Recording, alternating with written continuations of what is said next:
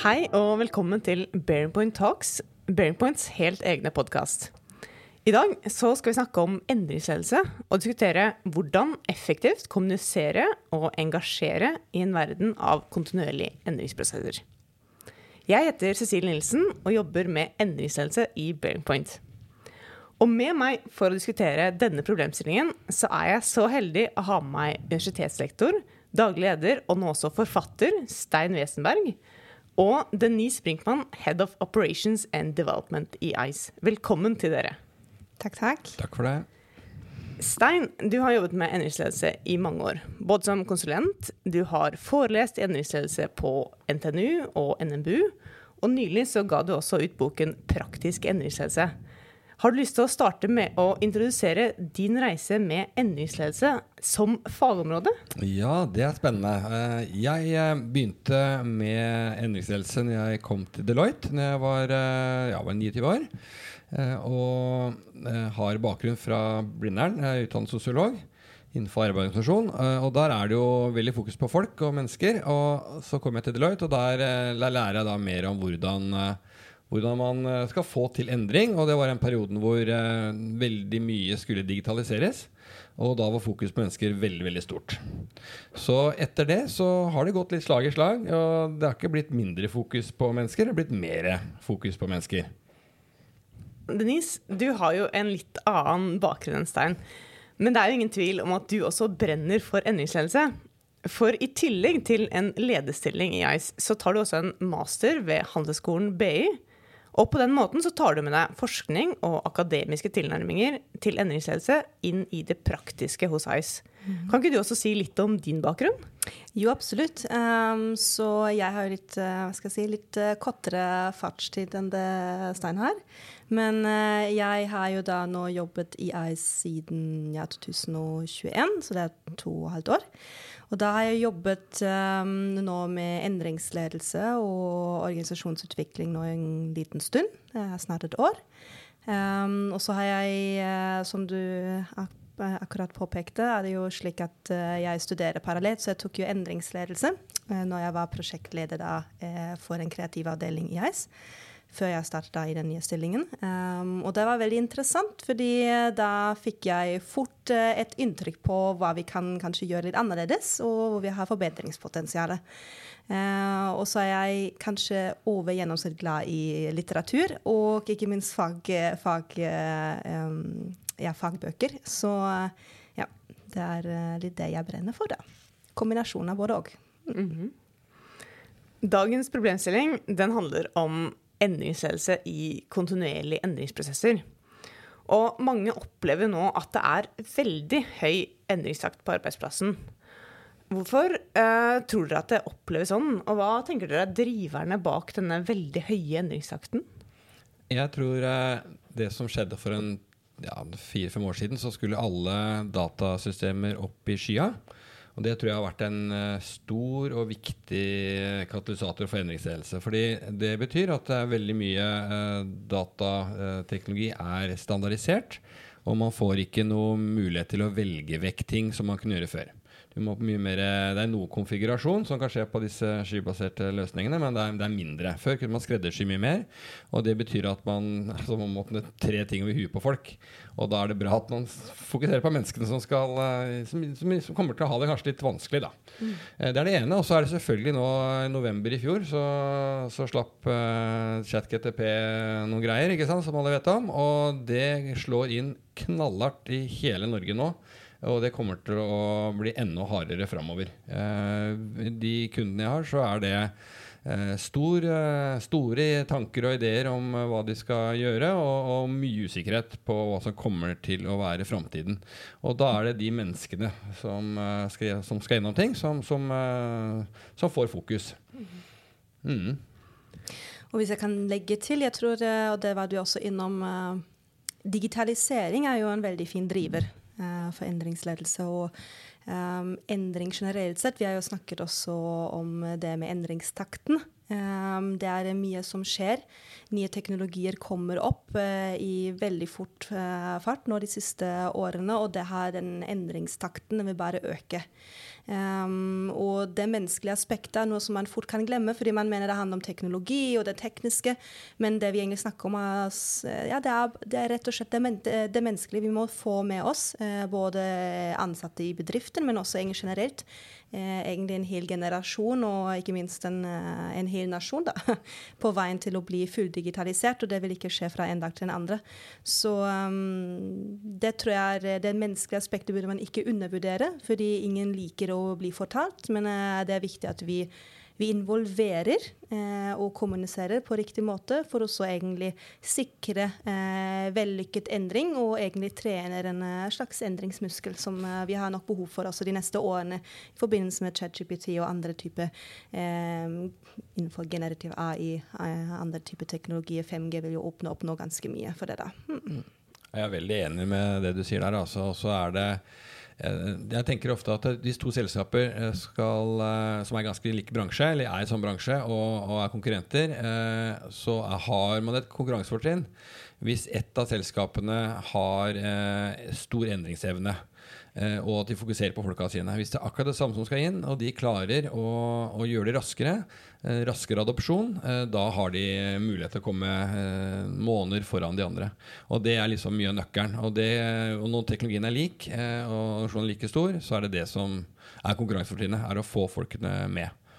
Og Det samme gjelder også med kultur. ikke sant? Det er med endringsvilje, endringsevne, eh, endringskapasitet, ikke minst innovasjonsevne. Eh, alt dette her henger sammen. Eh, fart, ikke minst. Eh, short time to market. Det er mange som er opptatt av det. Um, og det er jo ikke noe å legge skjul på. Det er også vi er ICE interessert i. Um, så jeg, jeg, tror ved å ha fokus på endringsledelse i en digital hverdag vil være helt avgjørende for at vi vil både oppnå våre mål, men også at vi når si, nye, eh, nye høyder. Eh, fordi eh, med digitalisering vil vi nok også åpne opp helt nye fagområder og nye måter å tenke på. Og her, vi har stor behov for å endre mind, altså mindset. Da. Og det, det er den, igjen den her å, å, være både på en måte smidig, men også at man har en tilpasningsevne. Det er, det er avgjørende. Det er jo ingen tvil om at det er mange endringer for den enkelte ansatte. Og hvordan skal man klare å engasjere ansatte rundt det nye, når det er så mange endringer til enhver tid? Da? Du tenker mer sånn enkeltprosjekter, også de, de større programmene. Altså hvordan, hvordan klare å faktisk involvere og engasjere ansatte underveis? Jeg tror det er eh, viktig at vi ikke undervurderer antall eh, endringsprosesser som går på tvers. Eh, som du var innom, det er mye som skjer. Det er ofte flere prosjekter. Du har fokus på, daglig drift. Du har fokus på programmer, som er enda større. Veldig mange bedrifter har transformasjonsprosjekter, som er enda større kategori. Um, så, så, her er det viktig at man tar til seg to ting. Nummer én involvering i aller høyeste grad fra dag én. Fordi ingen Hva skal jeg si Ingen ikke liker endring. Men det er viktig på hvilken måte man blir involvert. Fordi hvis man blir involvert i veldig liksom early stages, så vil man uh, oppleve at man har en uh, måte å påvirke Eh, men hvis man eh, bare får beskjed om at noe skal skje, så vil nok eh, de fleste ansatte oppleve at det føles litt ubekvemt. Så for, å sikre at man beveger seg i riktig retning, så burde man sette involvering i forsetet. Og det andre er egentlig kommunikasjon. Eh, kommunikasjon har tidligere blitt brukt mer som et virkemiddel. Jeg tror her eh, har man en unik mulighet for å sette også kommunikasjon mer eh, også her i forsetet, for å egentlig få mer de menneskelige aspektene med, eh, med her. Um, så ja, oppsummerende in involvering og kommunikasjon tror jeg er nok her sentrum og fokuset som, eh, som, vi skal tenke på for å evne å gå denne reisen innenfor digitalisering. og og endringsprosesser. Mm. Jeg, jeg, tenker uh, veldig enig med det Dennis sier. Uh, når det gjelder involvering, så er det alltid sånn um, Eh, når, når selskapene blir store, så har jeg jobbet mye med, og som jeg skriver mye om i boken, eh, det man jeg kaller representativ involvering. Altså man finner ut uh, i, en, i, en, avdeling uh, som består av tre eller fire underenheter, så tar man tak i én person fra de underenhetene som er kanskje litt uformell leder eller en fagspesialist, og så får du den personen til uh, Og det snakkes det mye om i den avdelingen. ut av avdelingen, og så representerer den de andre som, som er igjen. Eh, de andre som er igjen da, de får en følelse av at ok, har vi tatt med den personen som kanskje er de, de bedre hos oss, og hvis vedkommende, det vedkommende gjør, det må vi gå litt for. Eh, og, og, det gjør at du kan eh, ja, eh, få dette til å gli litt bedre. Men det må man snakke mye om. Eh, og når jeg er, jobber med kommunikasjon sånne, i sånne prosesser, så, så, trekker jeg alltid de fram i nyhetsbrevene og hvem vi har tatt med hvorfra, slik at resten ser at nå har vi tatt med de beste.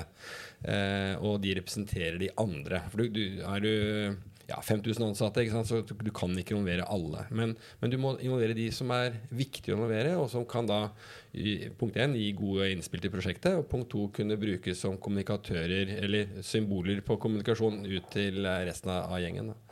Så, så, det er i hvert fall et sånn, et sånn eh, viktig ting jeg har jobbet veldig mye med. Da. Det vi kaller representativ involvering. da. Vi kaller faktisk som eh, endringsagenter. Så vi har faktisk en arbeidsgruppe eh, dedikert eh, som består av da, forskjellige typer fagområder, eh, som er da. Og vi ønsker egentlig å ha eh, både en representativ gruppe eh, som kan bistå med eh, i aller høyeste grad, og så har vi en sånn trinn nummer to, hvor vi da går ut og har dybdeintervjuer, som du nettopp eh, var innom. Så jeg syns jeg er helt enig med deg. Eh, det er utrolig viktig at man har eh, folk med, og ikke minst at man, man bruker de som kommunikatører eller som endringsagenter eller som interessenter. Her snakker dere om involvering. Men uh, denne kommunikasjonen, så er dere fortsatt begge opptatt av det å kommunisere til alle. Og med så mange endringsprosjekter, altså endringsprosesser, programmer, blir det ikke litt mye? Altså, jeg kan selv kanskje føle at det er litt sånn uh, overload av informasjon til tider. Uh, men samtidig så er vi jo veldig opptatt av at det skal være mye informasjon, og det skal være, prosjekter skal oppleves som transparente. Tenker dere at det er mulig å være, rett og slett informere for mye? At prosjektet kan bli for transparente? Men det, jeg tenker det går veldig inn på når, du, når jeg kommer inn i prosjekter, og første man gjør metodisk, da, det er å ta en avsjekk på om endringsevnen går ned. Mm. Er, er, det for mye som skjer? Eh, og det skal man ha et helt edruelig forhold til. Så den avsjekken tar jeg alltid, og så tar jeg alltid og snakker med ledelsen. Er det lurt å sette i gang det her nå? Eh, kanskje vi skulle vente en stund. Og det er jo selvfølgelig ikke noe særlig populært fra de som skal selge prosjektet inn fra konsulentfirmaet, hvis det er det som er drivende, selvfølgelig. Men som, som fagperson så tenker jeg det jeg må bare stikke fingeren i jorda. Det, her, det, kunden, det her blir for mye for dem.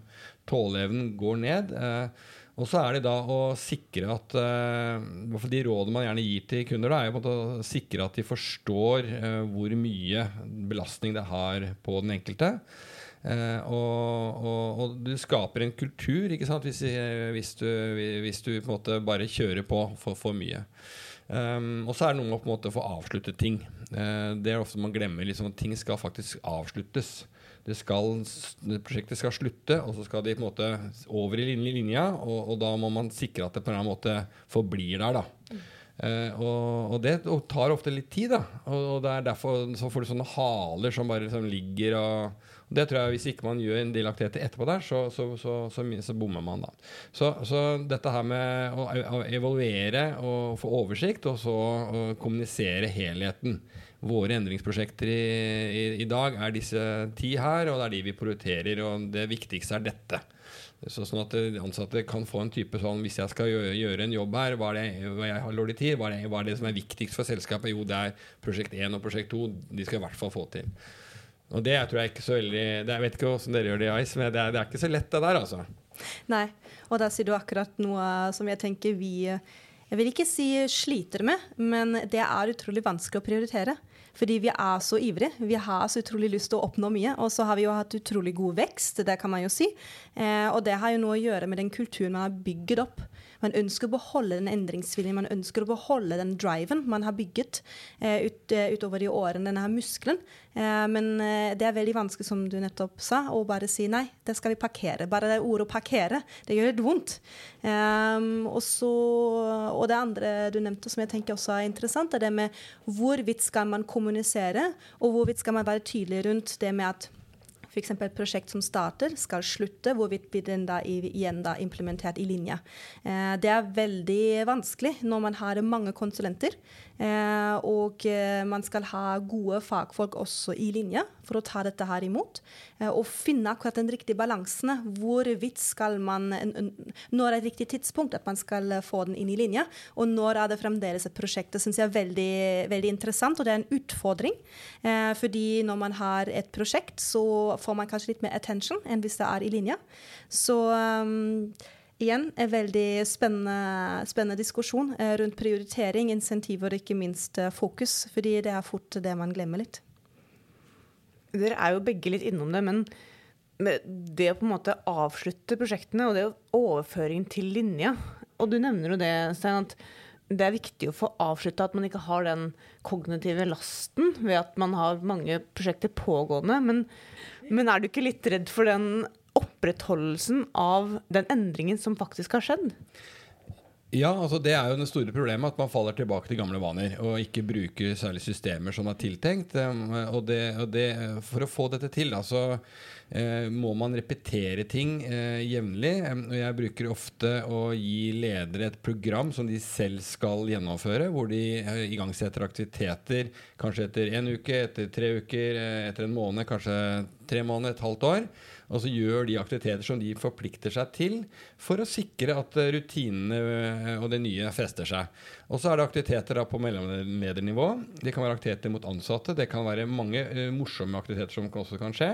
I tillegg så har jeg en, en, en, god periode med hvor prosjektet går ut av prosjektet og møter opp nede på linja og gjør det vi kaller aktiv oppsøkende virksomhet. At de går ut to-to sammen og går fra pult til pult og sjekker av om folk bruker det og lurer på åssen det går, og skaper et buzz ganske mange uker. Og Det er ganske ressurskrevende, men vi vet at for at nevronbanene i hodet ditt skal feste seg, altså bli nye Det er det det egentlig dreier seg om endring, er at nevronbaner i hodet du får nye baner. Så, så repeterer du etter én, tre og seks dager, så set, fysiologisk så blir de sterkere. Og, og, så må man da fortsette med det. Altså, man kan ikke bare slutte der. Eh, så, så, det dreier seg om repetisjon, repetisjon, repetisjon. Det kan virke litt sånn kjedelig, men man kan gjøre det på litt sånn morsomme måter. da. Man må jo ikke bare sitte og repetere, man skal gjøre det på, på litt artige måter. Men, men, det må skje aktiviteter. Det behøver ikke være så ressurskrevende. Men det bør være en, en plan, og når man vet at i uke tre så skal jeg som leder gjøre det og det og det. Uh, og det, er, det blir alltid masse råd om å lage et program for dem. da.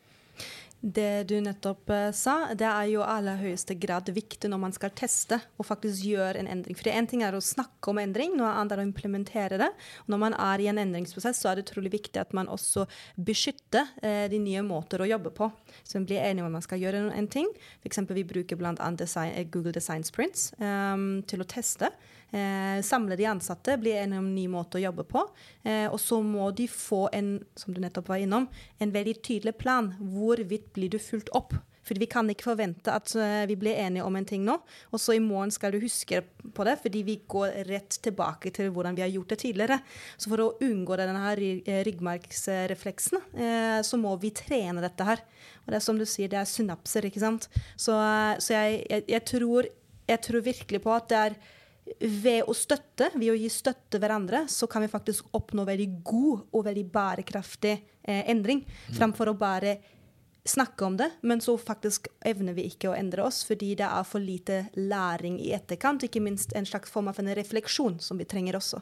Mm. Eh, stoppe opp, reflektere og så lære og så gå videre. Mm. Har, vi, når vi har innført SAP, jeg har gjort det en gang så mange ganger, mm. så har vi hatt disse teamene som går rundt etterpå. De lærer da opp ansatte i sånne små short shortcuts eller han hotkeys, som heter det. Altså, de lærer noe ekstra, eh, når de, når du, så de blir veldig godt tatt imot. ikke sant? Fordi de, de, og det er liksom den der, Du må skape noe bevegelse etterpå som gjør at du husker dette. Det er som du sier. ikke sant? Det, og da må man, og det er, det jeg opplever at det er veldig det er lett at toppledere de skal bare videre og videre. videre Nå er prosjektet liksom ferdig så mentalt. Og det jeg prøver liksom å si Nei, ikke legg ned prosjekt for tidlig. Det, da fester det seg ikke. Og da er det liksom litt bortkasta. Vi må, vi må, ikke legge ned for tidlig. Og, og det er alltid sånn balansegang mellom hvor de tror jeg driver mersalg, opp mot at jeg sier jeg faktisk mener det. Og jeg bør ikke være der, men jeg vil gjerne lage et program for det, så dere faktisk gjør dette her. da For det, det så blir litt meningsløst å være med prosjekter som ikke fester seg, syns jeg, da. Det, det, ja, ikke minst at man ikke. også får ut den her gevinstrealisering av det prosjektet, ikke sant? fordi man har investert en del penger for å få faktisk gjennomført den endringen. Så man uh, burde, skal jeg si, det er som om man går til legen, så burde man også ta de medisinene man burde ta i etterkant, og ikke bare tro at nå har jeg vært hos legen, og nå vil det nok går seg til. Um, så, jeg, så, jeg, tenker det her er det utrolig viktig også efter vi sa innledningsvis rundt det her med linja. At linja er klar til å ta imot. At det er en program, at det er en oppfølging. Og at man også tar inn over seg. Nå er vi i en læringsfase. Nå må vi, nå må vi øve her. Eh, når vi er nettopp blitt enige om hva vi skal gjøre, og nå må vi øve. Og når det har festet seg, så kan man gå alene. Så det er en gradvis overgang. Så det det egentlig handler om, er på en måte det å utvikle en sånn endringskapasitet da, for egentlig å ikke at organisasjoner skal bli endringstrøtte. Hva tenker dere er det viktigste for å unngå den endringstrettheten? Jeg tror det er eh, viktig at eh, punkt én, at man, eh, når man blir ansatt i et selskap, så er det, i dag forventes det at man driver med endring. Det er liksom forventningsstyring med en gang. og vi klarer nok mye mer enn vi tror. og så er det av og til å kunne stoppe litt opp, da. Og så Nå er vi faktisk ferdig med dette her, nå feirer vi litt. Nå har vi fått dette til. Og ledelsen bør liksom bruke mye empati og anerkjennelse og, og si hei, det, nå har vi virkelig altså, Rose ordentlig godt. da, ikke sant? Sånn at liksom vi, vi føler du får noe igjen for det. det. Det tror jeg er ålreit også. Og så kanskje Det er ikke alle prosjekter som haster så mye. Det er, det er, liksom, hva er det som er viktig nå? ikke sant? Og, og, akkurat nå så tror jeg det er veldig mange som driver og surrer litt fram og tilbake. De vet ikke hva som egentlig er viktig, særlig når AI kommer inn. Og det, det, Hvis vi går til andre land, så ser vi det er ganske mange grupper som mister jobben nå. Eh, og, og, og, da må liksom, man tenke ut hva er lurt for oss nå. Eh, og, den, eh, det arbeidet der, det tror jeg liksom er eh, Det henger veldig sammen med det spørsmålet, da. For å si det sånn, jeg tror det handler også veldig mye om det som vi snakket om tidligere, om prioritering. At man evner faktisk å forstå hva trenger vi nå, og eventuelt revurdere hvis vi gjør dette, hva vil det lede til? Kanskje kan vi spare oss et prosjekt? Kanskje vi kan heller fremskynde et annet prosjekt for å så kunne igjen spare oss tre andre prosjekter? Så det, det, det handler om second thought thinking, så at du klarer å evne å tenke tre-fire steg i forkant. Og det igjen sier noe om hvorvidt evner vi å tenke holistisk? Hvorvidt evner vi å forstå hvilke effekter vil disse prosjektene ha? Eh, og ikke minst hvorvidt vil den endringen bis, bidra inn til at vi når våre mål? mål. Så prioritering er ganske viktig, og at vi er tydelige rundt hva vi ønsker å oppnå, og at vi insentiverer til å faktisk oppnå disse målene. Slik at vi intensiverer den, det atferdet vi er opptatt og er nødt til å på en måte fremprovosere. Ja, jeg tror nok at eh, vi helt sikkert kunne snakka om endringsledelse i timevis. Eh, men vi blir nok nødt etter hvert nå til å runde av. Men jeg tenker at vi først bør prøve å komme med noen anbefalinger til ledere og endringsledere for å hjelpe sine ansatte gjennom denne massen av endringsprosesser. Stein, hva tenker du? Eh, har du noen klare anbefalinger? Ja, så uh, Vær klar over hva du setter i gang når du setter i gang nye prosjekter. Det Prioriter. Finn ut hva som er viktigst for selskapet. Uh, Denise var innom involvering. Kjempeviktig. Eh, få folk, uh, folk med. Og så prøve å få dem med, sånn at de ikke må behøve bruke hele tiden sin.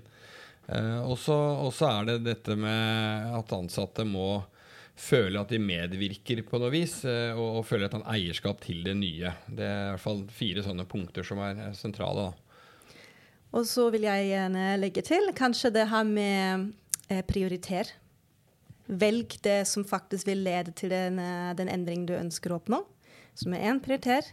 Jeg legger til To, engasjer. Jeg tror det er utrolig viktig. Så hvis du involverer, så engasjerer du også. Fordi når vi alle er engasjerte, så gjør vi litt mer enn det som er forventet av oss. Og jeg tror det kan også lede til eh, noen gode prosjekter. Vi skal ha det gøy. Endring skal ikke være kun kjedelig og litt hva skal jeg si, vanskelig noen ganger. Um, jeg tenker at det er en X-faktor vi kan oppnå her. Uh, og ikke minst klare og tydelige, um, tydelige mål. Jeg tror det er viktig å være tydelig. Uh, fordi vi kan ikke forvente at alle er i endring og syns det er supergøy, men vi må forvente også at uh, ansatte medarbeidere har behov for å vite hvor skal vi hen, hvordan kommer vi oss dit, og være tydelig. Så at man, at man klarer å si, holde fokus i en, i en jungel av endringsprosesser. Mm. Det syns jeg er viktig bare å kommentere på slutten. her, For dette å ha det gøy, det er det skrevet fryktelig lite om i litteraturen. Eh, det er nesten fraværende. Eh, og når jeg, er på, jeg undervist på Induc i mange år, og der eh, tar jeg tak i professoren og sier her, hvor er gøy-variabelen deres hen? Og den eh, finner de ikke.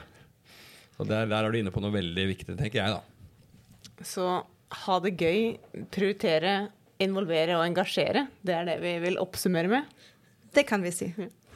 Og med det så vil jeg si tusen takk til Denise og Stein for at dere hadde lyst til å komme hit og diskutere denne viktige problemstillingen med meg.